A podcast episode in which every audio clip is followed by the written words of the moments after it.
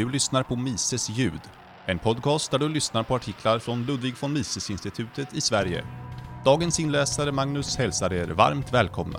Idag avhandlas artikeln “Rätten till självbestämmande”. Författare Ludwig von Mises publicerades på mises.se 21 april 2010.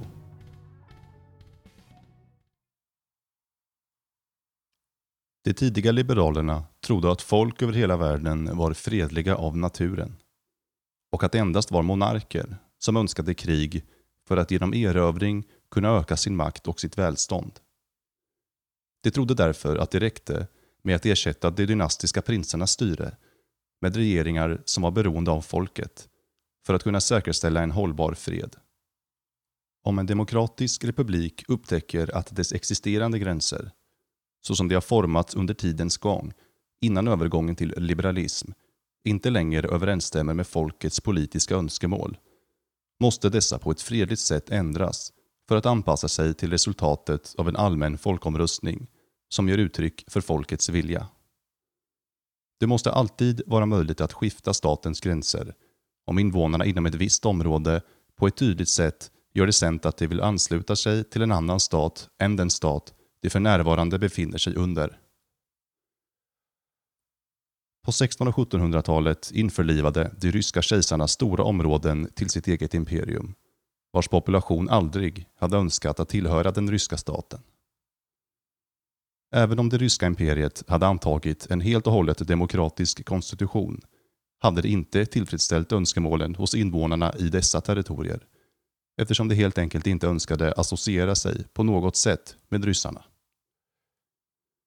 Deras demokratiska krav var frihet från det ryska imperiet, skapandet av ett självständigt Polen, Finland, Lettland, Litauen etc. Det faktum att dessa och liknande krav från andra folkslag, till exempel italienare, tyskar i Schleswig-Holstein, slaver i Habsburgska imperiet, endast kunde tillfredsställas genom att ta till vapen, var den viktigaste orsaken till alla de krig som har bekämpats sedan Wienkongressen. Självbestämmanderätten med avseende på medlemskap i en stat betyder således när helst invånarna i ett område, oavsett det är en enstaka by, ett helt distrikt eller en mängd angränsande distrikt, gör det känt att de, genom en fri och allmän folkomröstning, inte längre önskar vara anslutna till den stat de för närvarande tillhör, utan istället önskar bilda en självständig stat eller ansluta sig till någon annan stat, måste deras önskemål respekteras och följas.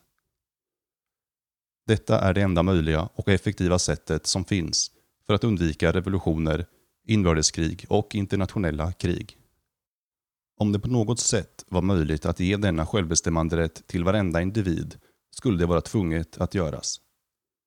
Att kalla denna självbestämmanderätt för nationers självbestämmanderätt är att missuppfatta den. Det är inte en självbestämmanderätt för en avgränsad nationell enhet, utan snarare rätten hos invånarna i varje område att bestämma den stat de önskar tillhöra.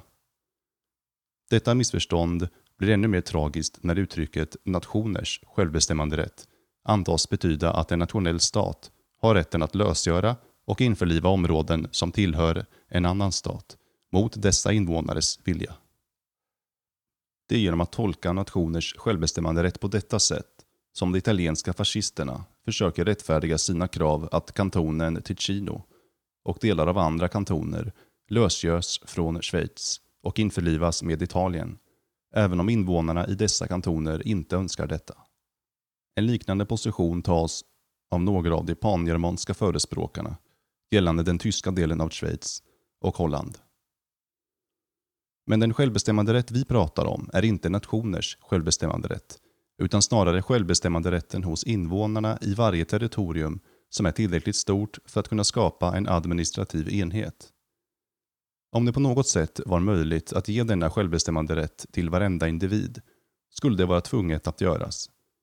Detta är endast ogenomförbart på grund av övertygande tekniska orsaker som gör det nödvändigt att en region styrs som en enskild administrativ enhet och att självbestämmanderätten begränsas till majoriteten av invånarnas vilja inom områden som är tillräckligt stora för att räknas som territoriella enheter inom landets administration.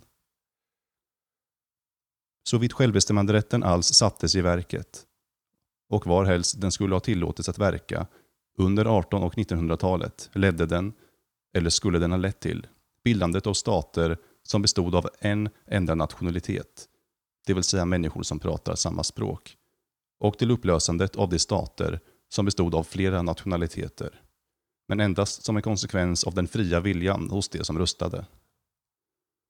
Bildandet av stater som bestod av alla medlemmar tillhörande en nationell grupp var resultatet av självbestämmanderätten, inte dess syfte.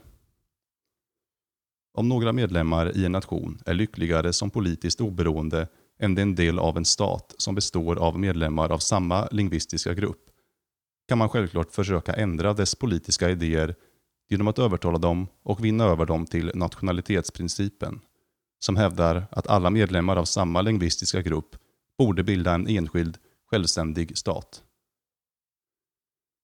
Men om man försöker avgöra deras politiska öde mot deras egen vilja genom att vädja till en påstådd högre nationsrätt bryter man mot självbestämmanderätten precis lika mycket som i någon annan typ av förtryck.